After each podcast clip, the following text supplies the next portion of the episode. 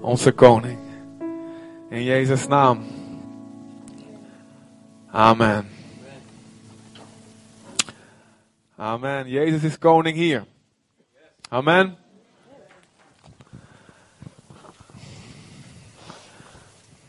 Amen.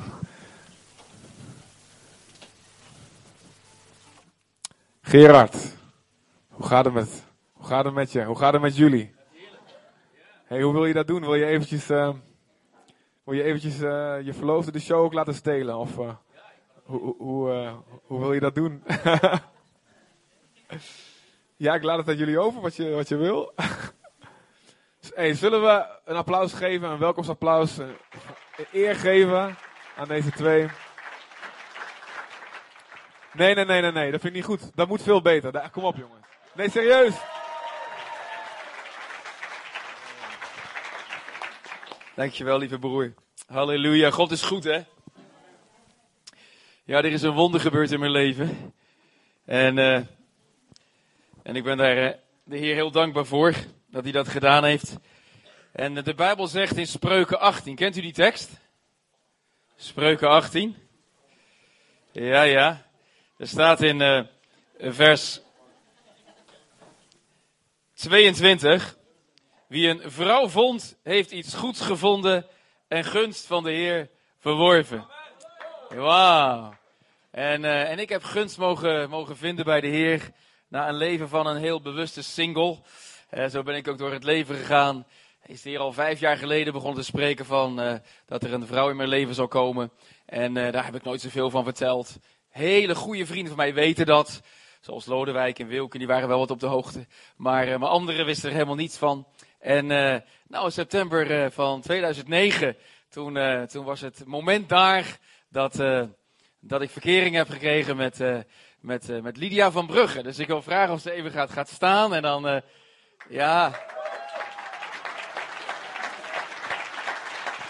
Dus we zijn, we, zijn, we zijn samen wel heel erg gelukkig en dat is belangrijk, hè? En uh, alleen weten we dat het, het, het, grootste geluk, dat is natuurlijk in God. En, uh, en we zijn de tweede kerstdag zijn we verloofd. Wacht even, ik word er emotioneel van. Wel.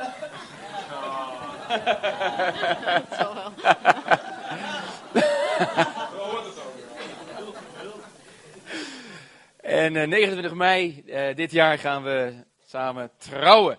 Dus, dus daar zien we, we zien uit naar die dag. En dat zal op een zaterdag zijn, 29 mei. En ik ben blij dat uh, God het zo geleid heeft. Dus Lydia, misschien kan jij nog de gemeente Berea Zutphen even groeten. kijk, ze is daar niet op voorbereid, maar ze is wel heel spontaan. En dat... dus het is leuk om haar even de microfoon te geven. Ja, geweldig. Ja, hallo. Leuk, leuk om hier te zijn. Het is leuk om de laatste maanden met Gerard mee te reizen en allerlei nieuwe mensen te ontmoeten en op nieuwe plekken te komen. En andere medegelovigen te ontmoeten. En ook leuk om hier in Zutphen te zijn. En ook vanmiddag gaat leuk worden, denk ik. dus ja, leuk om hier te zijn en we hopen op een fijne tijd met elkaar. Amen. Het is toch wat, hè? die man die zomaar weer je microfoon in je, in je handen duwt. Ja, dat is toch wat. Wauw, wauw. Nee, maar het is gewoon heel heerlijk om, uh, om zo met elkaar op te trekken. en uh, te ervaren dat, uh, dat God mensen bij elkaar brengt. Deze, deze morgen wil ik wat gedachten delen uit Jacobus hoofdstuk 5. Jacobus 5. En ik heb het genoemd het gelovige gebed van een rechtvaardige. Het gelovige gebed van een rechtvaardige. Het wordt tijd voor de gemeente van Jezus om opnieuw weer op te staan in gebed en zijn stem te laten klinken in de hoge. En dat geldt ook voor Zutphen. Halleluja. Jezus is Heer over Zutphen. Jezus regeert. Niet de burgemeester is de baas, maar de Heer is de baas. Amen. En dat is belangrijk om dat te beseffen.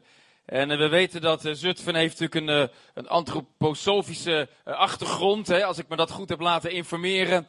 Dat komt voort uit de theosofie. En, uh, en we zien heel duidelijk dat er dus krachten bezig zijn. Ik geloof 10 tot 15 procent van deze stad is uh.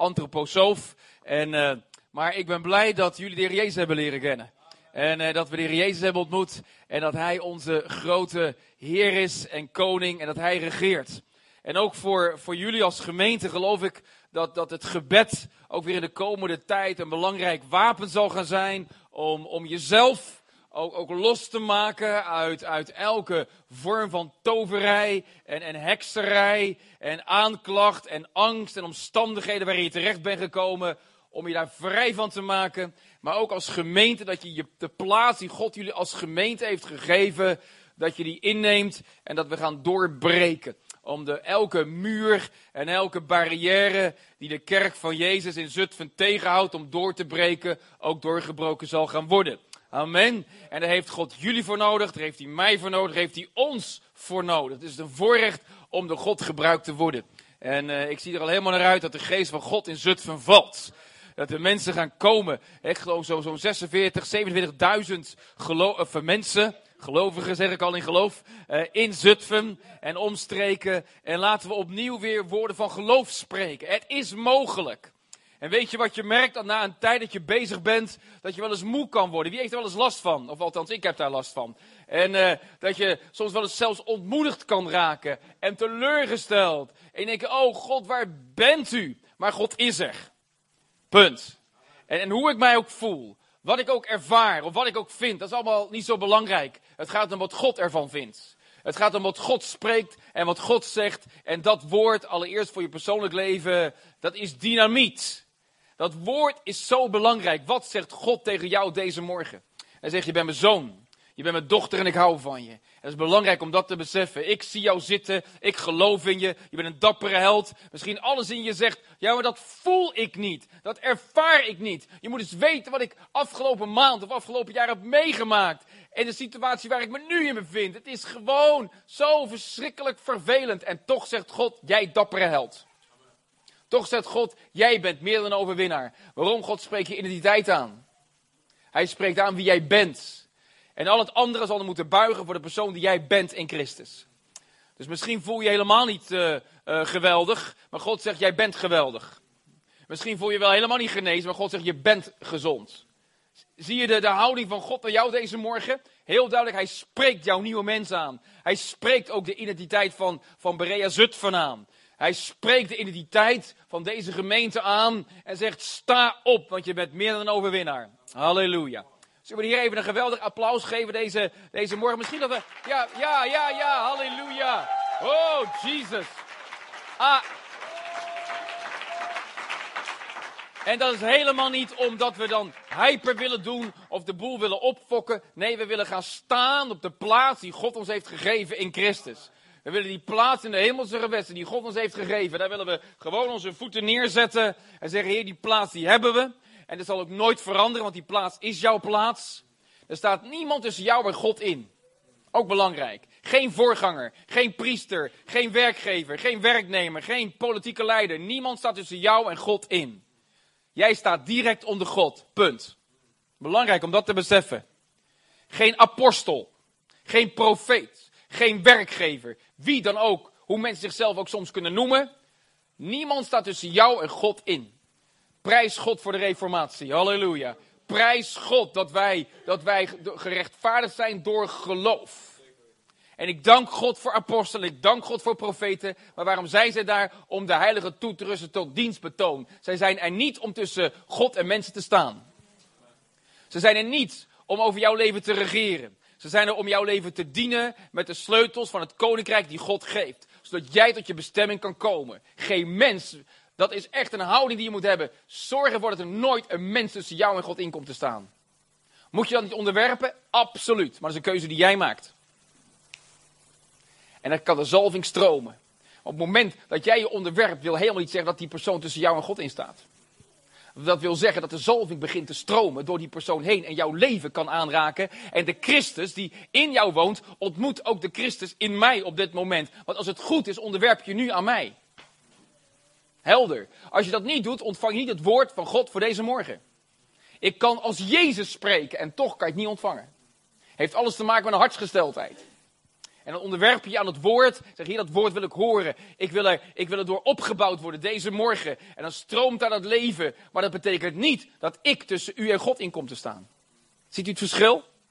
Jij kiest om je te onderwerpen aan de zalving. Aan op dat moment die, die, die kracht die als het ware door mij heen stroomt. Die openbaringskennis die door mij heen stroomt. Jij wil je daaraan onderwerpen. Dat is een keuze die je zelf maakt. Om dan zo die zegen te kunnen ontvangen. Daarom is die wederzijdse onderwerping zo belangrijk. En voordat, voordat Lydia zich aan mij dient te onderwerpen, dienen we ons aan elkaar te onderwerpen. Volgens Efeze hoofdstuk 5. Ik heb het gelezen. Ik denk, onderwerp je. Wees aan elkaar onderdanig. Nou, op bepaalde gebieden zal ik aan haar onderdanig moeten zijn. Want waarom? Daar heeft zij zalving en talenten en gaven God voor gekregen. En ik wil graag me daaraan onderwerpen. Want dan krijg ik, halleluja, leven. Het stroomt. En andere gebieden, dan zal zij zich aan mij dienen te onderwerpen. En op het moment dat we er echt niet uitkomen, zeggen van, hé, hey, hoe, hoe, ja, we, we, moeten nu een knoop doorhakken. Nou, dan zal zij naar mij toe kijken en zeggen, Gerard, dat, dat is ook weer, dat is weer jouw verantwoordelijkheid. Nou, mag jij de knoop doorhakken en ik zal met je meegaan. En wat zo mooi is, omdat we geleerd hebben om elkaars behoeften te vervullen, zal ik altijd een keuze maken in lijn met het feit wat haar tot zegen zal zijn. Bijzonder allemaal, hè? Geweldig. Hoe zit het mooi in elkaar? Het leven met God is zo mooi, is zo boeiend. Power! Halleluja. Dus wat ik ervaar opnieuw tegen jullie te zeggen, ga je plaats in God die je hebt. Ga erin staan. Je hoeft er niet voor te bidden. Maar je mag erin gaan staan. Dus de autoriteit die God je hebt heeft gegeven. Efeze 2. Waar we lezen dat we een plaats hebben in de hemelse gewesten. Hoef je niet voor te bidden. Hoef je niet voor te vasten. Hoef je niet God voor aan te roepen. Die plaats die heb je.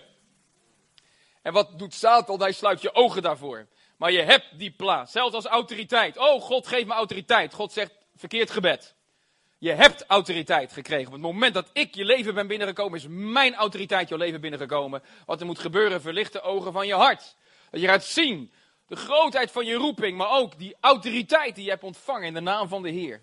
En wat, wat, wat Christian er net ook eventjes uitbad, het is zo waar. Angst spreekt. Omstandigheden spreken. Situaties spreken.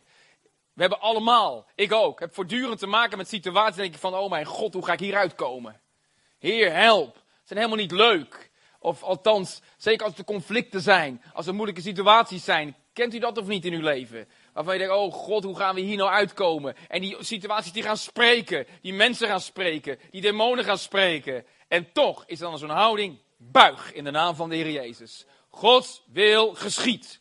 En ik wil niets liever dan zijn wil doen. Iedereen die hier zit wil niets liever dan Gods wil doen. Dus Zutphen, Berea Zutphen is een gevaar voor het rijk van Satan. Jullie zijn een gevaar voor het rijk van Satan. Jullie zijn een gevaar voor demonische structuren in deze samenleving, in Zutphen. Jullie zijn een gevaar. Echt een groot gevaar.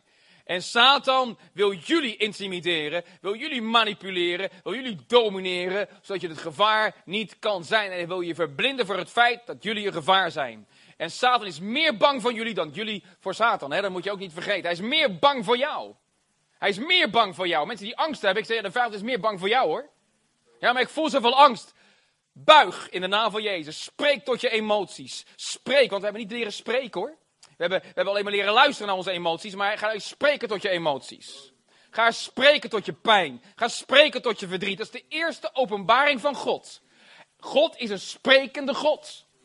Genesis 1, hij is een sprekende God. En als we in Efeze 5 vers 1 lezen dat we zijn voorbeeld moeten volgen, nou dan wil ik beginnen bij het begin. En dan is een God die spreekt. Spreek in je situatie, want woorden hebben scheppende kracht. We hebben het gelezen, Spreuken 18 vers 22, maar twee teksten daarvoor. Dood en leven zijn in de macht van de tong. Wie daaraan toegeeft, de vrucht zal je eten. Nou, dus je emoties, de vrucht van je emoties heeft alles te maken met het woord wat je spreekt.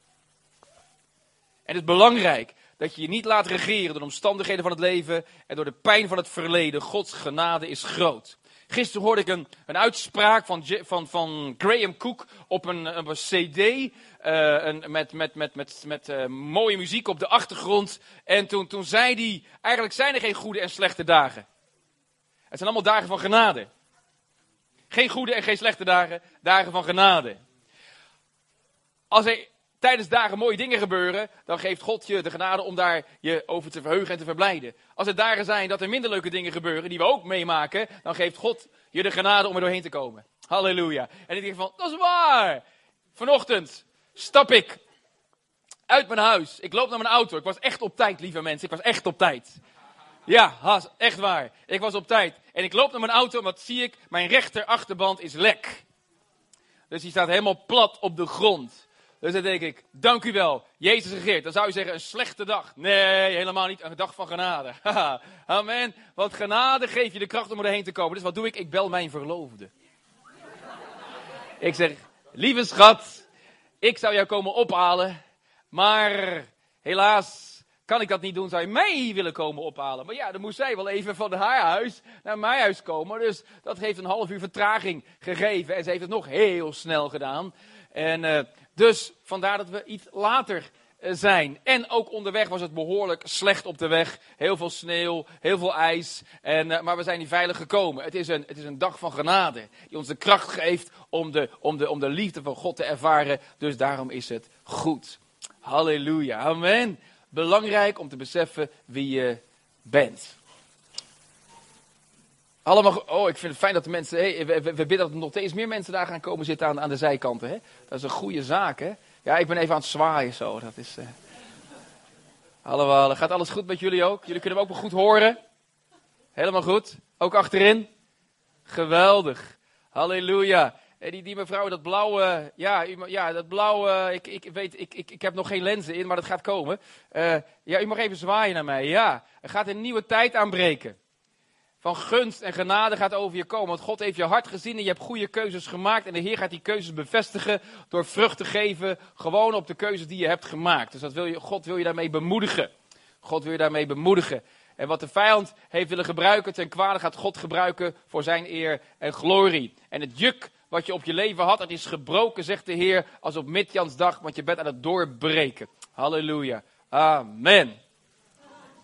Zo is het. Even daar zijn nog mensen, daar, allemaal even zwaaien. Gaat alles goed met jullie? Amen. Genieten jullie van de Heer en van deze gemeente? Weet je, het is een voorrecht om deelheid te mogen maken van een werk waar, waar de, waar, waarvan de vijand bang is in Zutphen. Dat is mooi. Amen. Dat je weet van, wow, wij breken door, wij breken baan. Halleluja. Niet Satan heeft het laatste woord, maar God heeft het laatste woord. En hij wil dat woord door jullie spreken. Dat is leuk, hè?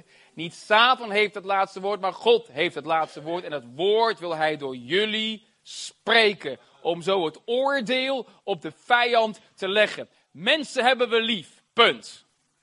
Ook al mensen, kunnen mensen nog zo irritant zijn en vervelend, maar mensen zijn mooi. Mensen zijn kostbaar, mensen zijn, halleluja, geschapen naar Gods beeld en gelijkenis. Amen. Hou dat voor ogen. Mensen zijn mooi. Alleen duisternis is vervelend. Duisternis is gemeen. Duisternis is ondermijnend. Duisternis is intimiderend. Duisternis domineert. En onderscheidt altijd de mens van de duisternis. Want zelfs al kunnen het nog zulke vijanden zijn van het kruis. En misschien zijn ze bewust uit om jouw leven kapot te maken. Dan nog zijn die mensen mooi en kostbaar. Blijf van ze houden. Neem stelling tegen het rijk van Satan. En breng het oordeel van God over de demonen daarachter. Halleluja. Dat is onze luister. Dat is, onze, dat is ons, ons grote voorrecht volgens Psalm 149. Om, de, om het oordeel van God te leggen op demonen. Op hun demonische werken. Maar de genade van God op de mensen. Belangrijk. Wij, wij, wij, wij, wij willen genade communiceren naar mensen. Genade. En als mensen dan niet veranderen, dan is God groot genoeg om ze toch te veranderen. Vanwege de genade die komt over hun leven. Er is hoop voor mij. Halleluja. Waarom? Dat de genade van God op mij is. En er is ook duisternis in mij. Echt waar, Gerard? Ja, er zijn soms duistere denkpatronen in mijn denken. Die, die ik wil ontmaskeren. Het heeft gewoon te maken met in, in gewoon de omgeving waarin je bent grootgebracht. Daar zitten leugens in je denken. Leugens vanuit het vorige slag die zo je leven zijn binnengekomen, zoals je soms nog steeds denkt. En ineens moet je, betrap je erop van, hé, hey, dat klopt helemaal niet. Dat is een leugen. Hé, hey, move, exit. Haha, ik heb de waarheid van Gods woord ontmoet. En op dat moment leg je het oordeel op de duisternis. Amen. En demonen, die vinden dat verschrikkelijk, want daardoor moeten ze je leven loslaten. Want demonen zijn het probleem niet is de leugen waarin je bent gaan geloven. Dat is het probleem. Yes! Want demonen zijn overwonnen en ik vind het heerlijk om het vuur van God over ze uit te spreken. Dat ze lekker branden. Haha, dat, dat, dat sist en dat ze... Oeh, halleluja. Dat je het helemaal hoort kraken onder je voeten. Amen. Zo is het. Mm, mm, mm. Halleluja. Amen. En daarom is het belangrijk dat wij leren om te strijden. De strijd van de Heer. We zijn soms zo gelaten en lief. En zo gaan we onder de omstandigheden zitten terwijl de Heer zegt: sta op. Dan komt ziekte. Nou ja, ja, ik moet maar een weekje uitrusten. Sta op. Ja, ik heb niet wat pijn in mijn lichaam. Sta op. We zijn heel makkelijk om dat allemaal toe te laten hoor. Ja, je moet niet alles geestelijk zien. Ook dat is een leugen. Want alles heeft zijn oorsprong in de geestelijke wereld. En dan kan het soms supernatuurlijk zijn, maar uiteindelijk heeft het wel zijn oorsprong in de geestelijke wereld. Punt. Oh ja, trouwens, ik heb zo'n boekje nog. Ja, ja, ja. Over de realiteit van de geestelijke wereld. Heeft iedereen het al gelezen of nog niet? Nee? Nou, dan is het goed dat ik het mee heb genomen. Wie heeft hem al gelezen?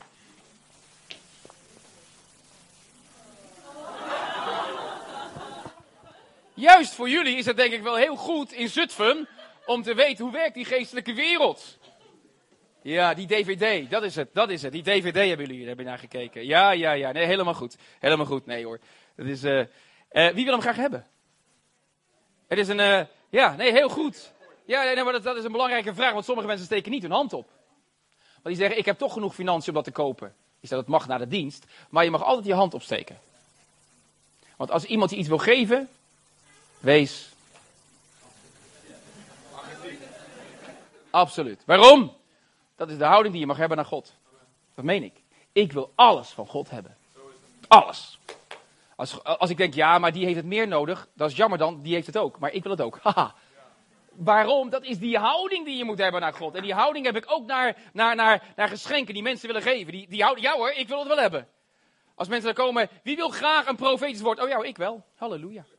Ja, waarom nou niet? Want waarom? Het komt toch van God? Je wil het toch hebben? Dat, dat is die houding. Ja, weet je, ik moest dat een keer doorbreken. Want ik zat toen, nou nee joh, Gerard, je hebt al zoveel. En dan ga ik mezelf ging ik mezelf eigenlijk in een bepaalde, op een bepaalde manier ja, paaien. En ik, ik ging mezelf in een bepaalde situatie praten van, ach, die ander heeft het meer nodig. En dat noemde ik valse nederigheid. Maar met betrekking tot wat God je wil geven, en ook wat mensen je willen geven, wees, yes, dat wil ik ontvangen. Want waarom? Zodat jij het weer kan. En dat is de sleutel erachter. Zodat je het kan gaan uitdelen. Want al heb je het geld ervoor, dat wil niet zeggen dat je het gaat kopen. Dus heb je het niet. En kan het je leven niet veranderen. Maar als iemand het aan je geeft. En je pakt het. Op dat moment kan het jouw leven totaal veranderen. En misschien ben je wel miljonair. Maar juist dit boekje, of een ander boekje, of een cd, of weet ik wat. Daardoor kan je zeggen, wauw, dit heeft mijn leven veranderd. Hoe kan ik gaan zorgen dat dit gaat vermenigvuldigd worden? Zie je hoe wij soms vastzitten in ons denken? Alles moeten we, we moeten gaan denken zoals God denkt. En zeggen, yes, ik wil gaan ontvangen. Dus ik ga hem nou die kant op gooien. Jullie gaan het... Gaat het lukken, denk je?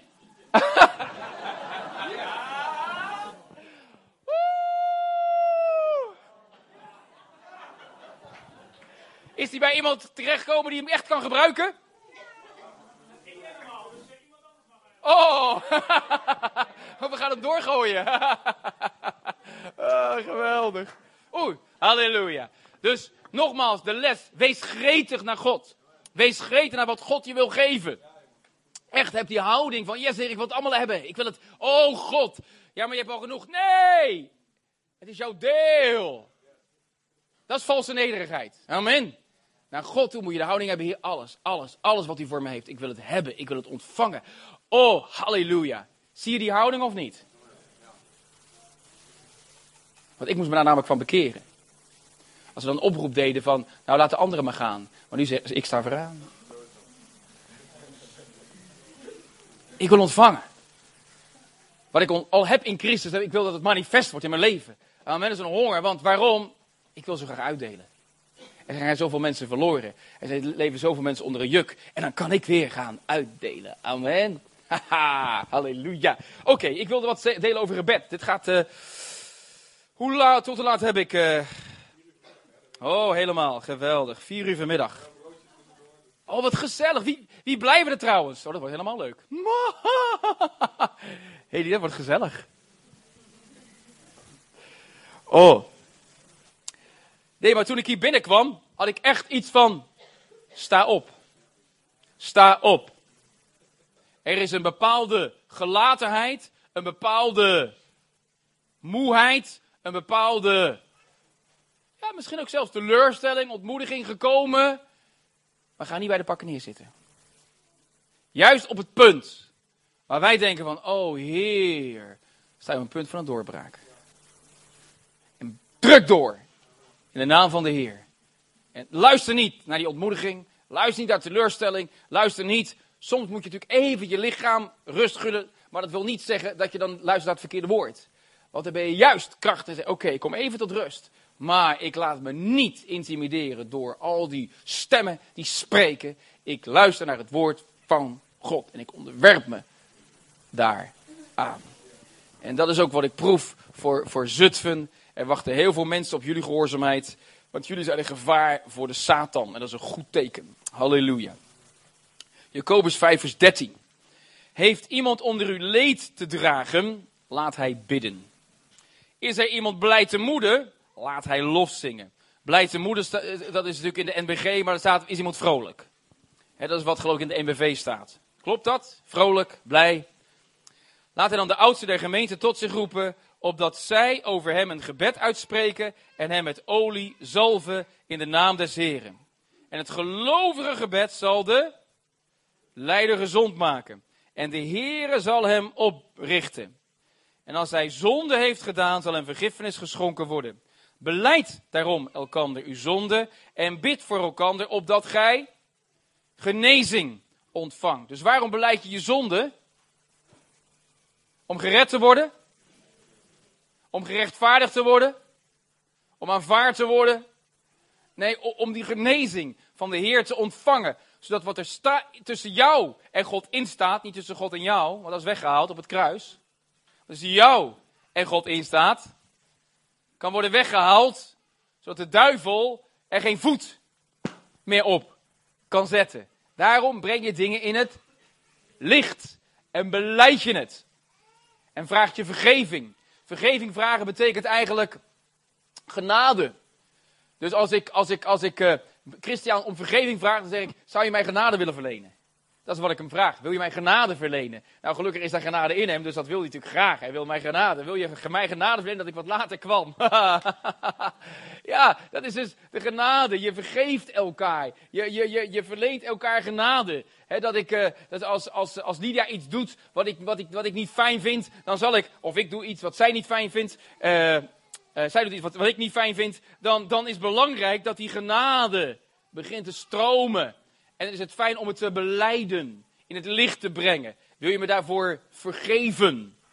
Niet omdat ik dan gerechtvaardigd word of gered word. Nee, dat ben ik al. Is mijn status voor God. Maar dat, dat, dat obstakel wat tussen ons is ingekomen, dat dat wordt weggehaald. Zodat de vijand daar niet zijn poot kan opzetten en dat uiteindelijk tegen ons kan gaan gebruiken. Want zo worden bolwerken gebouwd. In je denken tussen mensen en die bolwerken moeten geslecht worden.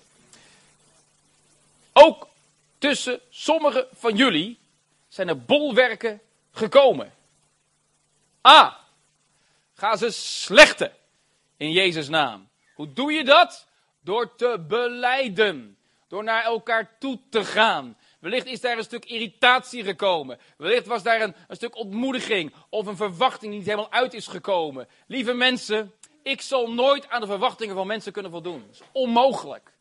Als ik daaraan zou kunnen voldoen, dan ben ik God. Halleluja. Maar dat ben ik niet. Ik heb wel geschapen naar zijn beeld en gelijkenis. Maar dat kan niet. Christian, ook jij kan niet voldoen aan de verwachtingen van al deze lieve mensen. Dat is onmogelijk. God kan het wel. Daarom moet je ze bij God brengen.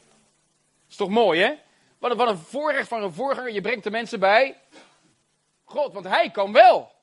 En al die behoeften en die verlangens die kan hij wel bevredigen. En daarin kan hij voorzien wat hij heeft hij voorzien. Maar ook voor jullie belangrijk. Ineens zag ik bolwerken in de geest tussen mensen instaan. Gedachten die eigenlijk gegroeid zijn. En is het goed om even weer met elkaar te praten. Even weer met elkaar on speaking terms te komen. En te zeggen van, joh, ik vond het vervelend toen je dat zei. En misschien heeft die persoon het helemaal niet verkeerd bedoeld, maar is dat in jouw beleving zo? Of had die ander het weer totaal anders bedoeld? Dat is stikvast het geval, toch? Vaak willen mensen helemaal geen vervelende dingen doen. Alleen je, je pakt het verkeerd op. Of, of het wordt gewoon verkeerd gecommuniceerd. En dan, je hebt natuurlijk de zender en je hebt de ontvanger. Nou, sommigen kunnen het nog veel beter uitleggen dan ik. Maar één ding weet ik. Zorg dat die bolwerken worden verwijderd. In de naam van de Heer. Amen.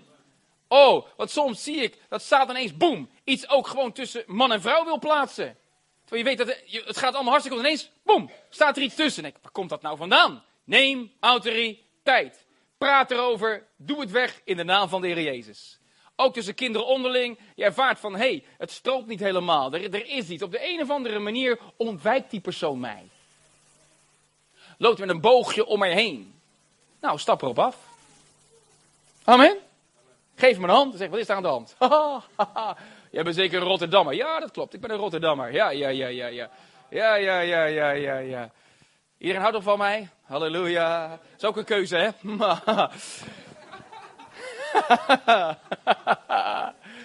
oh, echt waar. Maar jullie zijn goud voor God.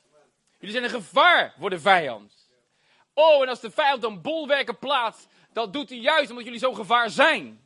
Dus breek die bolwerken af. In je eigen denken, tussen mensen onderling, naar het rijk van Satan. Zeg nee in de naam van Jezus en breek door. Dus dat is even wat ik, wat ik probeer in het woord binnen te komen. Maar iedere keer krijg ik bepaalde ingevingen van God. Wat ik even jullie moet delen. Dus ik hoop dat ik raak schiet.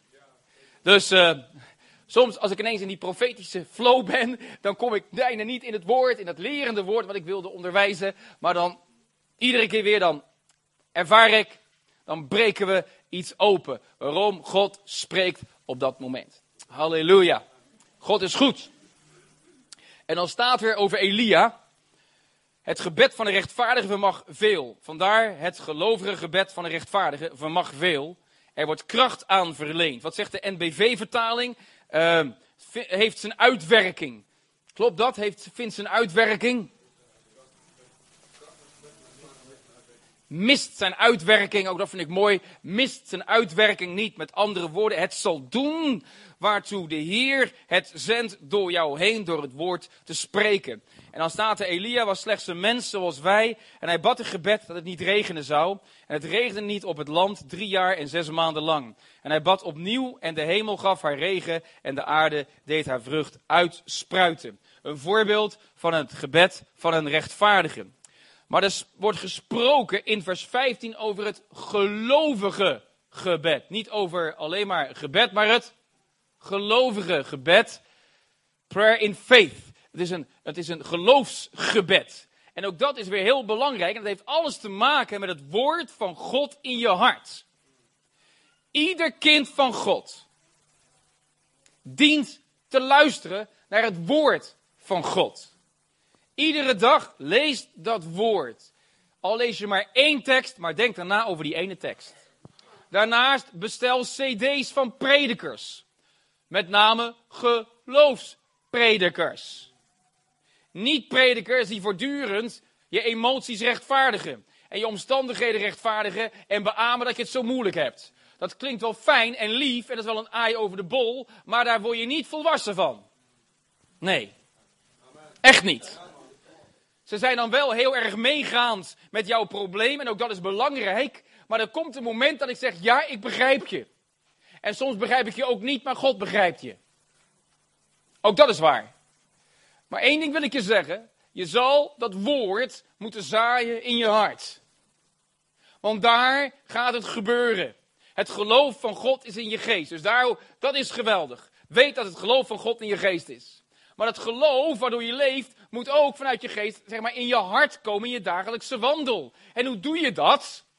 Jouw denken van de geest, wat als God denkt, moet in lijn gaan komen met jouw vernieuwde denken vanuit je verstand. Een dimensie van de ziel. Dat moet gaan. Dat moet samen gaan werken. Ik ben tot ontdekking gekomen op het moment van mijn wedergeboorte. Was de geest van mijn denken was totaal anders dan mijn verstandelijk denken.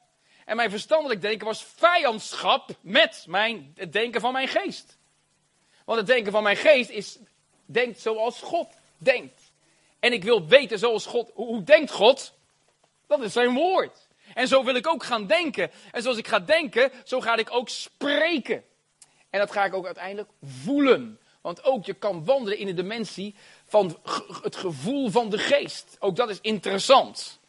Ik kan, als het ware vanuit mijn geest, de gevoelens van mijn geest, dat zijn de gevoelens van God, kan ik laten regeren over de gevoelens van mijn ziel, die direct geprikkeld worden door de vijf zintuigen. Als ik een telefoontje krijg dat iemand een dierbaar is overleden, dan weet ik wat er gaat gebeuren met mijn menselijke emoties. Direct voel ik dat. Maar, oh, als, als ik dan ook de emoties van God mag gaan ervaren. En dan zeg ik, Heilige Geest, wilt u uw gevoelens laten regeren over mijn gevoelens? En dat begint toch bij te spreken. Ik spreek dan tot mijn ziel. Ik spreek tot mijn geest. En ik zeg, ziel, onderwerp je aan de dimensie van de emoties van de geest. Dat zijn de gevoelens van de Heer, zodat die daardoorheen kan gaan stromen. Moet je eens kijken wat er gaat gebeuren. Maar zo zijn we niet getraind. Je moet jezelf ook trainen. Daarom luister naar het woord van God. Luister naar predikers. Luister naar mooie cd's, worship cd's. Waarom? Daar zit woord in. En juist doordat er mooie muziek wordt gemaakt, gaat je hart open. Denk oh, een mooie muziek. Hmm, kippenvel. Geweldig. Want waarom? Door dat kippenvel kan makkelijk dat zaad van het woord in jouw hart worden gezaaid. Want je bent ontvankelijk voor dat woord wat er wordt gesproken. Kom ik over? Daarom is het zo belangrijk om naar cd's te luisteren van predikers. We leven nou eenmaal in die tijd waar het kan. Ik denk, prijs God dat het kan. Oh, en luister naar goede geloofspredikers. Bijvoorbeeld naar Christian Tan. Amen. Luister naar zijn cd's. Laat het woord zaaien in je hart. Daarom heeft God die mannen en die vrouwen gegeven. Dat is belangrijk. En uh, zodat je ook weer geloof, het gelovige gebed, het gebed kan gaan bidden. Want wat gebeurt er dan? Op het moment dat jij het woord hebt gehoord, God houdt van mij. Dan ga je dat meenemen in je gebed. En ga je zeggen, dank u wel Heer, u houdt van mij. En op dat moment, als je het uitspreekt, gebeurt er iets. De Heilige Geest, de hemel, komt in beweging. En wat gebeurt er? Er komt een atmosfeer van geloof om jou heen. Jij bent een drager dan van de heerlijkheid en de glorie van God. Rondom mij is substantie. Rondom mij is, is hemels, hemels materiaal. Gewoon rondom mij. Waar ik wandel. Ja, je ziet me natuurlijk in mijn nette pak aan. Ik denk, ik ga me mooi kleden voor mijn geliefde. Mijn verloofde. Wauw. Ja, dat vind ik leuk nu. Dat mag ook, hè? En uh, toch? Ja. En, uh, maar dat is, dat is mijn, mijn lichaam die je kan zien in de natuurlijke wereld. Maar daarnaast heb ik ook een geestelijk lichaam. En ook die is zichtbaar met de ogen van de geest. En die is vol van God. Vol van zijn heerlijkheid. En ik wil met mijn mond wil ik blijven zaaien. Want ik weet wat Satan met mij gedaan heeft. Ik ben een stotteraar geweest. Ik weet wat het is om niet goed te kunnen spreken. Ik weet wat het is om je mond te houden terwijl je moet moeten spreken. Ik weet wat het is om te zwijgen terwijl je, terwijl je had moeten proclameren. Oh, dat heeft wonderen geslagen in mijn ziel. Maar prijs God voor die openbaring. Dat hij heeft gezegd: van jouw zwakheid maak ik een sterkte. Toen dacht ik: er moet er een God komen, maar die God is gekomen. En hij van mijn, van mijn zwakheid, van mijn handicap, van mijn spraakgebrek, heeft God een sterkte gemaakt. En nu mag ik het woord spreken. En ik wil niets liever dan het woord spreken. Want waarom? Ik weet wat Satan bij mij heeft gedaan. Ik weet, hij heeft mij het zwijgen opgelegd. Hij heeft een, een, bid in mijn mond gelegd, zodat ik niet zou gaan spreken. Maar God heeft dat bid uit mijn mond gehaald. God heeft dat juk van me vandaan gehaald. En ik ben het woord gaan spreken. En ik wil het woord blijven spreken. Want ik wil spreken met substantie, met geloof. Want dat woord gaat jullie hart binnenkomen. Want als jij hier uitgaat, denk je van, mm, ha, yes, halleluja. Ik ben meer dan overwinnaar. Prijs God. Ik, God hoort mijn gebed. Hij handelt op het gebed dat ik spreek. Het is het gelovige gebed gelovige gebed heeft dus alles te maken met dat woord wat je zaait in je hart. Van daaruit ga je spreken. Dan spreek je met substantie. En dan kan de Heilige Geest neerdalen en die gaat echt iets doen. Die neemt jouw woord en gaat daarmee aan de slag. En situaties worden veranderd. Engelen gaan over tot actie. Waarom? Omdat God met jou wil samenwerken. Hij wil jouw gebed gebruiken, dat gelovige gebed, om te handelen hier op deze aarde. Waarom heeft God daarvoor gekozen? Dat weet ik niet. Dat is een keuze die hij heeft gemaakt. En ik geloof het heeft alles te maken met relatie. Gebed is in wezen, is, is gebed heeft alles te maken met, met het praten met God, communicatie. En relatie is wederzijdse communicatie. En de Heer wil het heerlijk dat je bij hem komt en dat je je hart deelt. En dan kan hij zijn hart met jou delen. Want hij wil niets liever. Er is een tijd voor jullie aangebroken dat God zijn hart met jullie wil delen. Ook weer een woord. Er is een tijd aangebroken dat God zijn hart met jullie wil delen. Je kan je eigen hart met God delen en dat is goed. Dat is niet verkeerd. Maar God zegt, er is ook een tijd dat ik graag mijn hart met jullie wil delen. Want God heeft verlangens. God heeft behoeften. God heeft passie. God verlangt ernaar om met zijn vrienden zijn hart te delen. Genesis 18. Dan lees je, de Heere God verscheen aan Abraham. In de persoon ja, van een mens. En hij sprak met Abraham. En toen zegt God, zou ik het voor Abraham verbergen wat ik zou gaan doen met Sodom en Gomorra? Maar omdat hij mijn vriend is, omdat hij de vader is van alle volkeren, ga ik mijn hart met hem delen. En ik ga vertellen wat ik ga doen. En dan gaat Abraham voorbeden doen. Dat is nou precies wat er gaat gebeuren. God gaat zijn hart met jullie delen. Over Zutphen, over omstreken. Waarom? Zodat je voorbeden kan gaan doen. En hij kan gaan handelen op het gebed van de gelovigen. Want God wil met je samenwerken. God wil zo graag zijn hart met je delen. Want alles wat op aarde gebeurt, zal eerst plaatsvinden omdat iemand heeft gebeden. Hebben, hebben we, God handelt op aarde enkel en alleen in antwoord op gebed. God handelt op aarde enkel en alleen in antwoord op gebed. Gebed is het proclameren van Gods wil op aarde. En dan komt het, de wettige basis voor God om ten gunste van ons te handelen op aarde is eigenlijk gebed. Het is die wettige basis. Het is aardse toestemming voor een hemelse interventie. Dus eenvoudig, je komt bij God. En je mag je hart delen. En soms zeg ik ook, Heer, ik ben boos. Ik vind het niet eerlijk. Ik vind het onrechtvaardig. Is dat verkeerd? Nee, je mag je emoties. En dat uit, dat zijn de emoties van mijn ziel, snap je? Die komen dan eruit en die spuiten er ook uit. Ik zeg, Heer, ik ben gefrustreerd. Ik ben boos. En het God weet dat natuurlijk ook wel. Want hij heeft me ook gezien. Maar ik uit het en dat is goed. Maar dan komt er wel een moment in dat gebed dat ik ga spreken. De waarheid van Gods woord. En dan zeg ik wel emoties dan ga je luisteren. Je hebt het nu geuit, maar dan ga je wel de emoties van God. Gaan nu worden vrijgezet. Vanuit mijn wederom geboren geest gaan nu de emoties van God. Halleluja, stromen in mijn ziel. Ha. En dan zeg ik, jij ziel, luister naar het woord van God. En dan spreek ik tot mezelf. Doe je het echt letterlijk hardop? Ja, absoluut. Abs zelfs voor de spiegel. Ja, want dan zie ik er twee. En dan kan het niet missen. Halleluja. Dus wat dat betreft, ik ga ervoor. En dan spreek ik tegen mezelf. Nou, ik heb in mijn slaapkamer een grote spiegel waar ik me helemaal zelf kan zien staan. En nu ook in de gang heb ik een uh, grote spiegel. En daar zie ik mezelf ook in staan. En dat doe ik heel bewust. Want ik wil mezelf zien. Zo heb ik ook leren spreken. Hè? Ik ben voor de spiegel gaan leren spreken. Want als je stottert, stot je, alleen als je met, bij, met iemand bent. In je eentje stot je niet. Dus een stotteraar stottert nooit als hij op zichzelf is. Dus in mijn kamer kon ik vloeibaar en vloeiend spreken. dus toen ben ik maar begonnen met twee personen, ik en mijn spiegelbeeld. En het ging heel goed.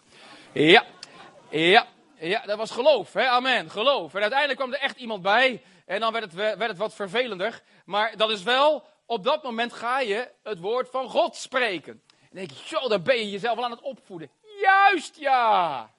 Juist ja. Want heel veel zijn niet opgevoed vandaag de dag. Dus moet je jezelf gaan opvoeden. En als je 18 jaar plus bent, dan heb je niet meer je papa en mama die je opvoeden. Nee, dan moet je het zelf doen.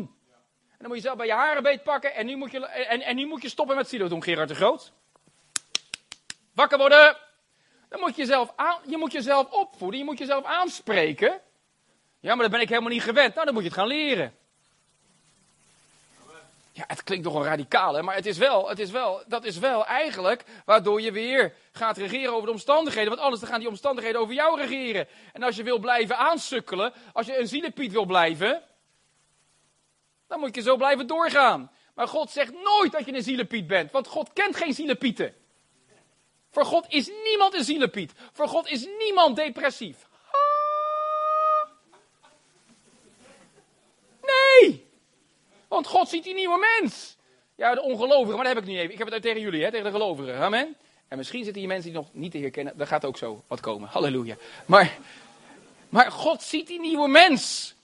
God ziet niet Gerard is depressief. Nee, Gerard is een koningskind. Meer dan een overwinnaar die af en toe last heeft van wolken die over hem komen. Maar die prik ik door door het woord. Amen. Maar het is een, dat is een houding, hè. En dat voel ik heel sterk. Ik kom dus binnen en dan Ik wil jullie even, even op je benen zetten van de plaats die je hebt in de geestelijke wereld. De autoriteit die je hebt. Dat het gelovige gebed, je gaat het woord spreken, maar dan moet je wel zorgen dat het woord in je hart komt. Vandaar luister naar cd's, naar, naar, naar, naar goede, goede muziek. En dan komt de vijand, hm, dat heb ik al zo vaak gehoord. Hm, werkt bij mij niet. Hm, ik heb mijn best gedaan, maar ik heb het helemaal niet gezien. Dat is precies de beleidnis van de vijand. Nou, dan ga je nog even door. Nou ja. Ik heb er 13 jaar lang over gedaan om uiteindelijk overwinning te krijgen op mijn spraakgebrek. 13 jaar lang. Van mijn 18e tot mijn 32e, dus is 14 jaar lang, heb ik daar mee geworsteld en ik ben boven gekomen. Op basis van het woord van God. En sommigen zeggen, ja, maar ik ben al langer bezig. Prijs God voor genade. Maar wat ik wel heb geleerd, in die 14 jaar, merkte ik dat het spraakgebrek niet meer regeerde over mijn leven. De manifestatie was daar nog steeds van het stotteren, maar het regeerde niet meer over mijn leven. En daardoor overwon ik angst en schuld en schaamte. Nu stotter ik bijna helemaal niet meer. Al weet ik nog steeds tot de dag van vandaag wat het is. Want er is een wond geslagen in mijn ziel, waar ik genade van God heb ontvangen. Maar juist als ik onder grote druk sta en er zijn spanningen, dan snap je waar de vijand je op pakt. Op je zwakte. Maar mijn zwakte is ook mijn kracht. In God. En dat spreek ik uit in geloof. Halleluja. Amen. Goed. Ik, uh, dus dus ik, ik, ik ervaar heel sterk dat, dat God zijn hart met jullie wil delen dat God zijn verlangens met jullie wil delen. Er is ruimte om je eigen verlangens en je hart met God te delen. Maar eindigt dan wel met een proclamatie van geloof. Heel belangrijk. En tevens zegt God, als jullie naar mijn hart weten voor Zutphen. Mijn hart weten voor je stad. Mijn hart weten voor al die mensen die gevangen zitten in die antroposofie. Mensen die gevangen zitten in het materialisme, in de religie. Gods hart is om ze vrij te maken. Dan legt hij zijn hart in jouw hart. En dan gebeurt er iets, dan gaat er geloof komen. En dan komen de voorbidders. En gaan het uitspreken. En de geest van God gaat over tot actie. En het begint vaak bij de profeten. De profeten hebben het woord gesproken. Het komt in het hart van een man. Het komt in het hart van een vrouw. Het wordt materiaal. En die gaan het delen. Voorbidders pakken het op. En die gaan het uitbidden, gaan het uitspreken. En dan kan Gods geest overgaan tot actie. Hij kan gaan handelen. De engelen worden vrijgezet. Er gebeuren, gebeuren ineens bovennatuurlijke dingen in levens van mensen. Waarom? Omdat er een leger is aan het bidden. En dan ook gaan de evangelisten erop uit. En die zijn we allemaal. Halleluja. Allemaal gaan we erop uit. Niet alleen de evangelisten, maar in het bijzonder de evangelisten. Want die hebben iets van God gekregen om... Die hebben een neus.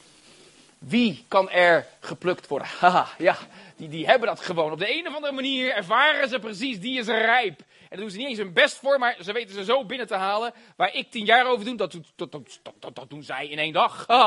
En, uh, maar goed, ik heb andere gaven gekregen van God, al blijf ik wel getuigen. Dat is mijn verantwoordelijkheid. Amen.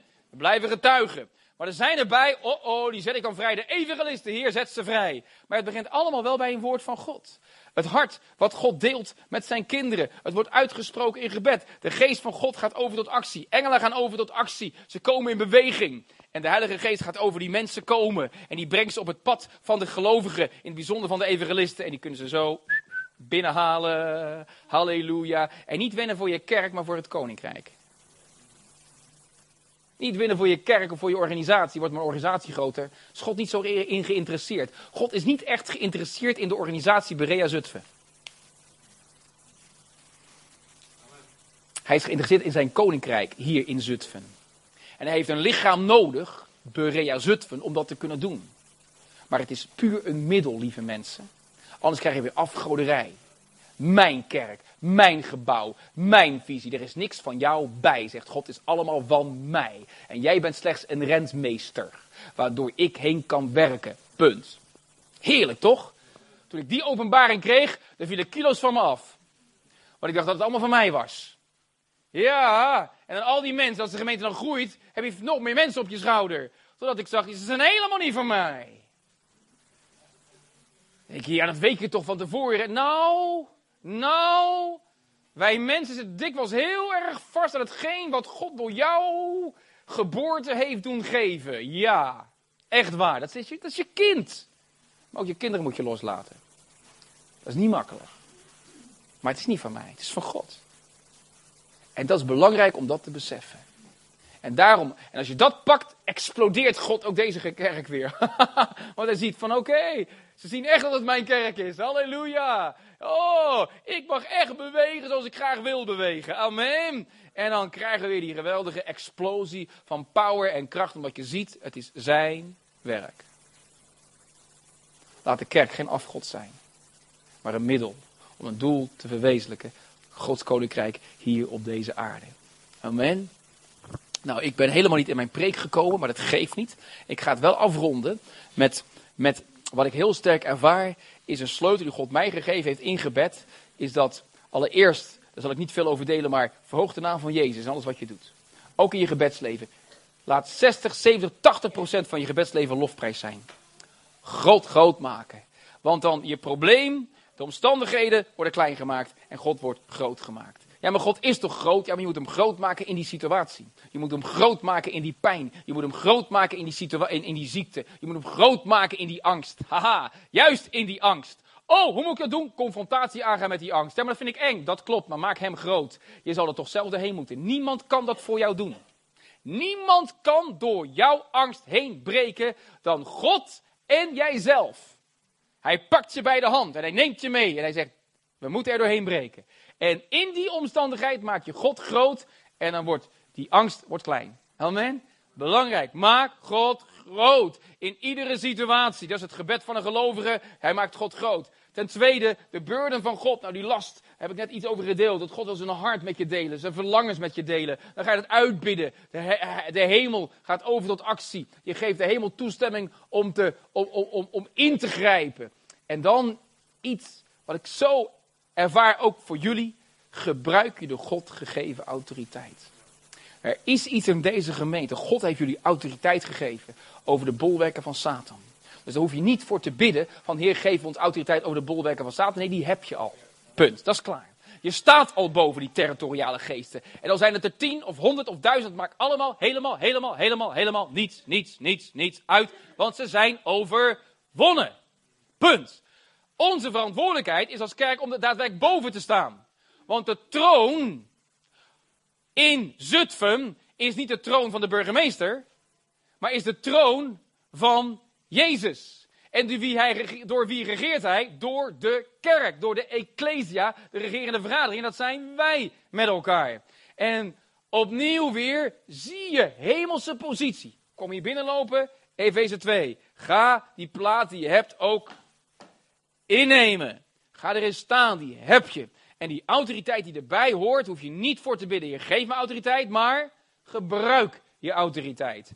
En dat heeft alles te maken met het proclameren. Als je het hart van God weet, als je de verlangens van God kent voor deze stad, dan kan je het gaan proclameren.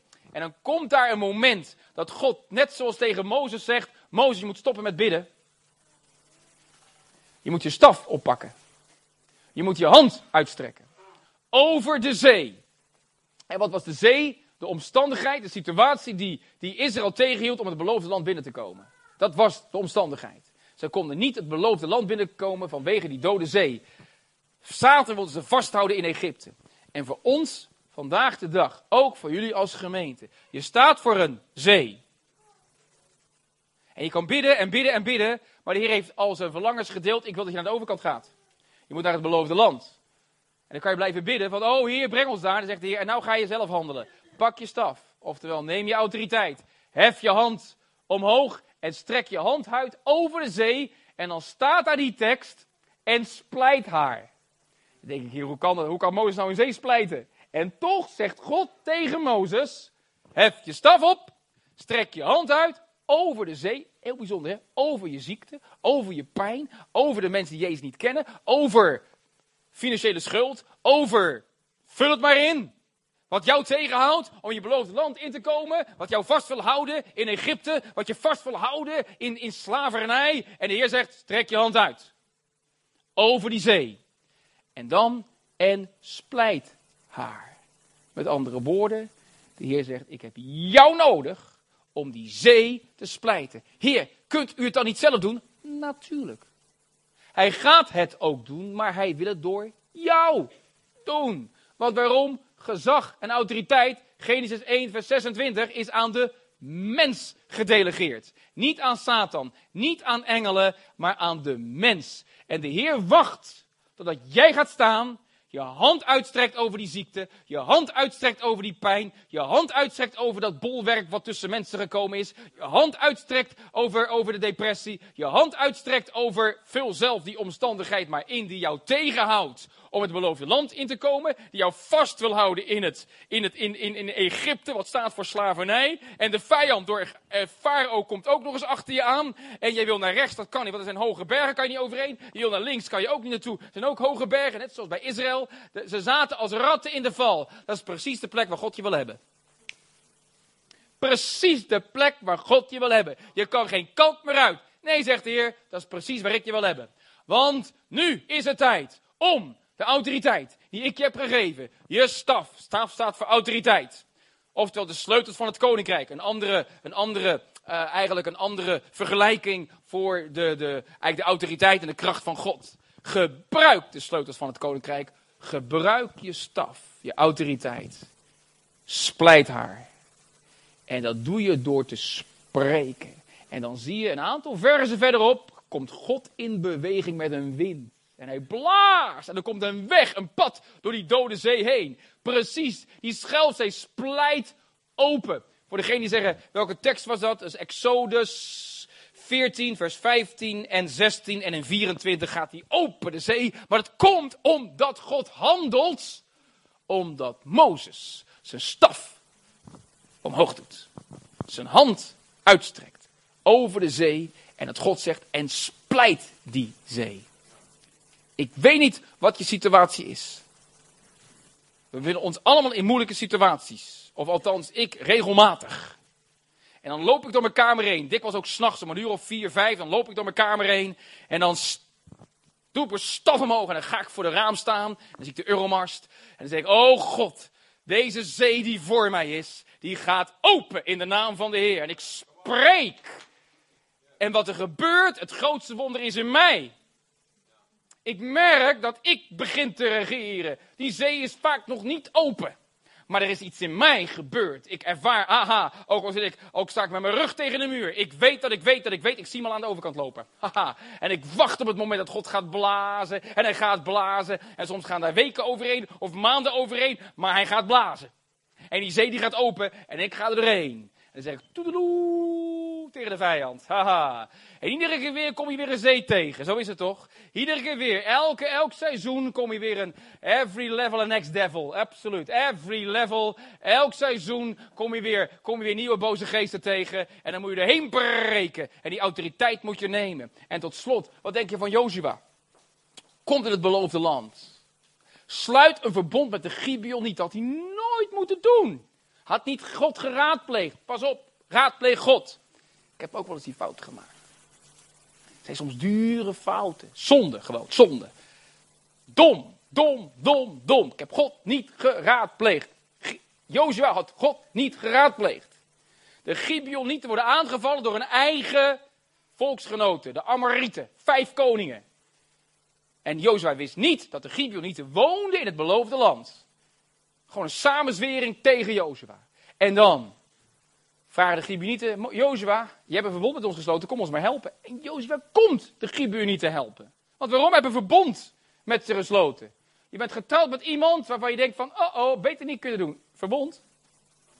God kan wonderen doen. Oké, ander verhaal. Vanmiddag, hè? Nee, maar God is een God van wonderen. Vijf koningen. En dan laat God grote hagelstenen uit de lucht vallen. En hij doodt de vijand. En er sterven meer mensen door die hagelstenen dan door de strijd. God grijpt bovennatuurlijk in. Ook al heeft Jozua zo'n domme fout gemaakt. Hij heeft gezondigd. Zie je de genade van God? En denk oh God, u bent toch... Voor hetzelfde geld had Jozua geen poepje laten ruiken. Nee hoor, God grijpt gelijk in en er komt met grote hagelstenen. En dan zie ik die engel helemaal Bang, bang, bang, bang. En dan zie ik die engel knuppels, weet je wel. Ping, ping, ping. En dan zie je die mensen, poeng, poeng, poeng. Ik, dat zie ik allemaal voor me ogen gebeuren. Ja, en, maar de genade van God was op hè, voor, voor het volk.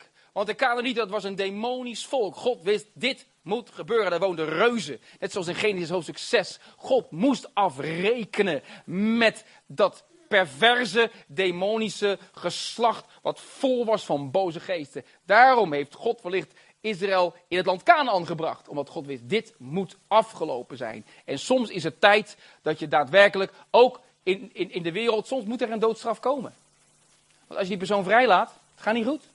Ze zijn over een punt heen. En dan moet je ingrijpen. Of je nou wel of niet voor de doodstraf bent, daar gaat het even niet om. Maar er is een moment waar je denkt van, er is geen weg meer terug. En God wist, voor de Canaanieten is er geen weg meer terug. Ik moet nu met mijn oordeel komen. En dat is liefde. Kunnen wij niet zo goed begrijpen en toch is het zo. Dat is de liefde van God. Als we het grote plaatje zouden kunnen zien vanuit Gods perspectief, dan zeg je, oh God, ik ben zo blij dat u dat gedaan heeft. God heeft ingegrepen. En dan zegt Jozua, Heer, we hebben nog wat tijd nodig om af te rekenen met de vijand. En dan spreekt hij tegen de zon, sta stil. Tegen de maan, sta stil in het dal van Ayalon. En Mozes neemt autoriteit, of Jozua neemt autoriteit over de zon en over de maan. En deze twee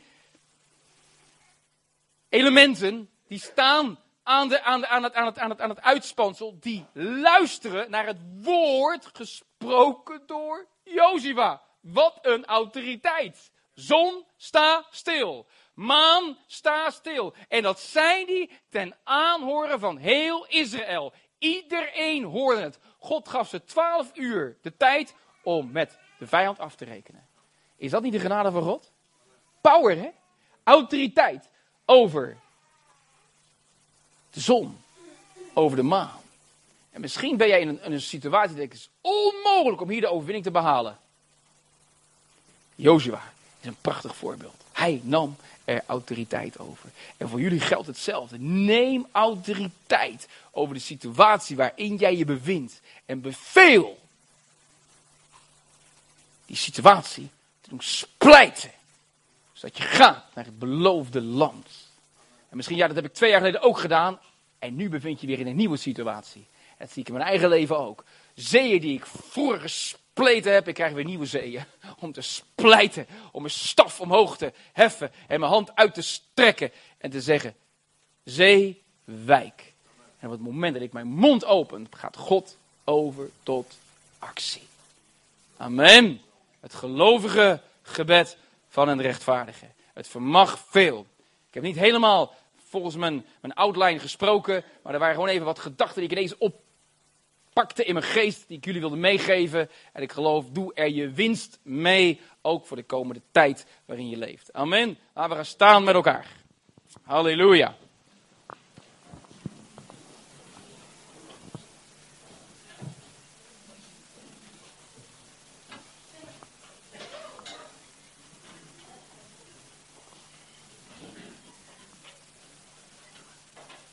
Yes.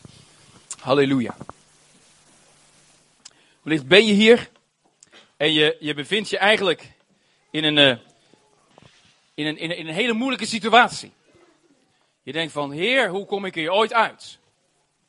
Ik wil hier graag uitkomen. Hoe kom ik eruit? De Heer heeft je een staf gegeven. Dat is autoriteit. Daar hoef je niet om te bidden, die heb je.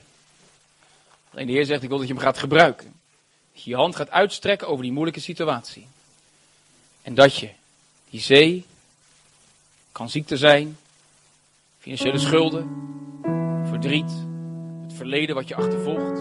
Zoveel omstandigheden kunnen dat zijn. Die zee die staat voor onmogelijke situaties in je leven. En vanochtend is daar het woord. En de Heer spreekt jou aan. Heel direct. Net zoals bij Mozes. Neem je staf op. Stop met bidden in de zin van, oh, smeken. Maar je zegt, en nou ga je spreken. Je gaat autoriteit nemen. En dan gaat hij de banden van de dood, het lied wat we gezongen hebben, in de aanbiddingstijd, de banden van de dood gaat hij breken. Want sommigen zitten eraan vast, aan banden van de dood. Dat je vast zit gebonden aan die omstandigheid en situatie. En we gaan het doorsnijden. In de naam van Jezus. Amen. als God tot je hart gesproken heeft door dit woord en je weet, ja, die situatie waarin ik me nu bevind. Oh, die gaat niet meer regeren over mijn leven. De rollen worden omgedraaid vandaag. Dan mag jij naar voren komen. Dan gaan we er specifiek voor bidden en autoriteit overnemen. Amen. Zoals dat voor jou geldt, kom naar voren toe. En we gaan daar echt God voor geloven. We gaan God ervoor geloven. In de naam van Jezus. God kent jouw situatie. God weet wat er aan de hand is.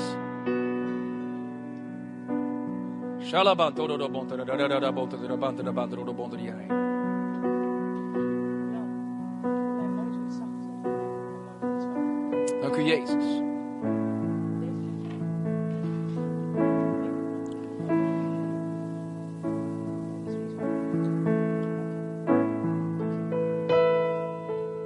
Dank u wel, papa. Dank u wel.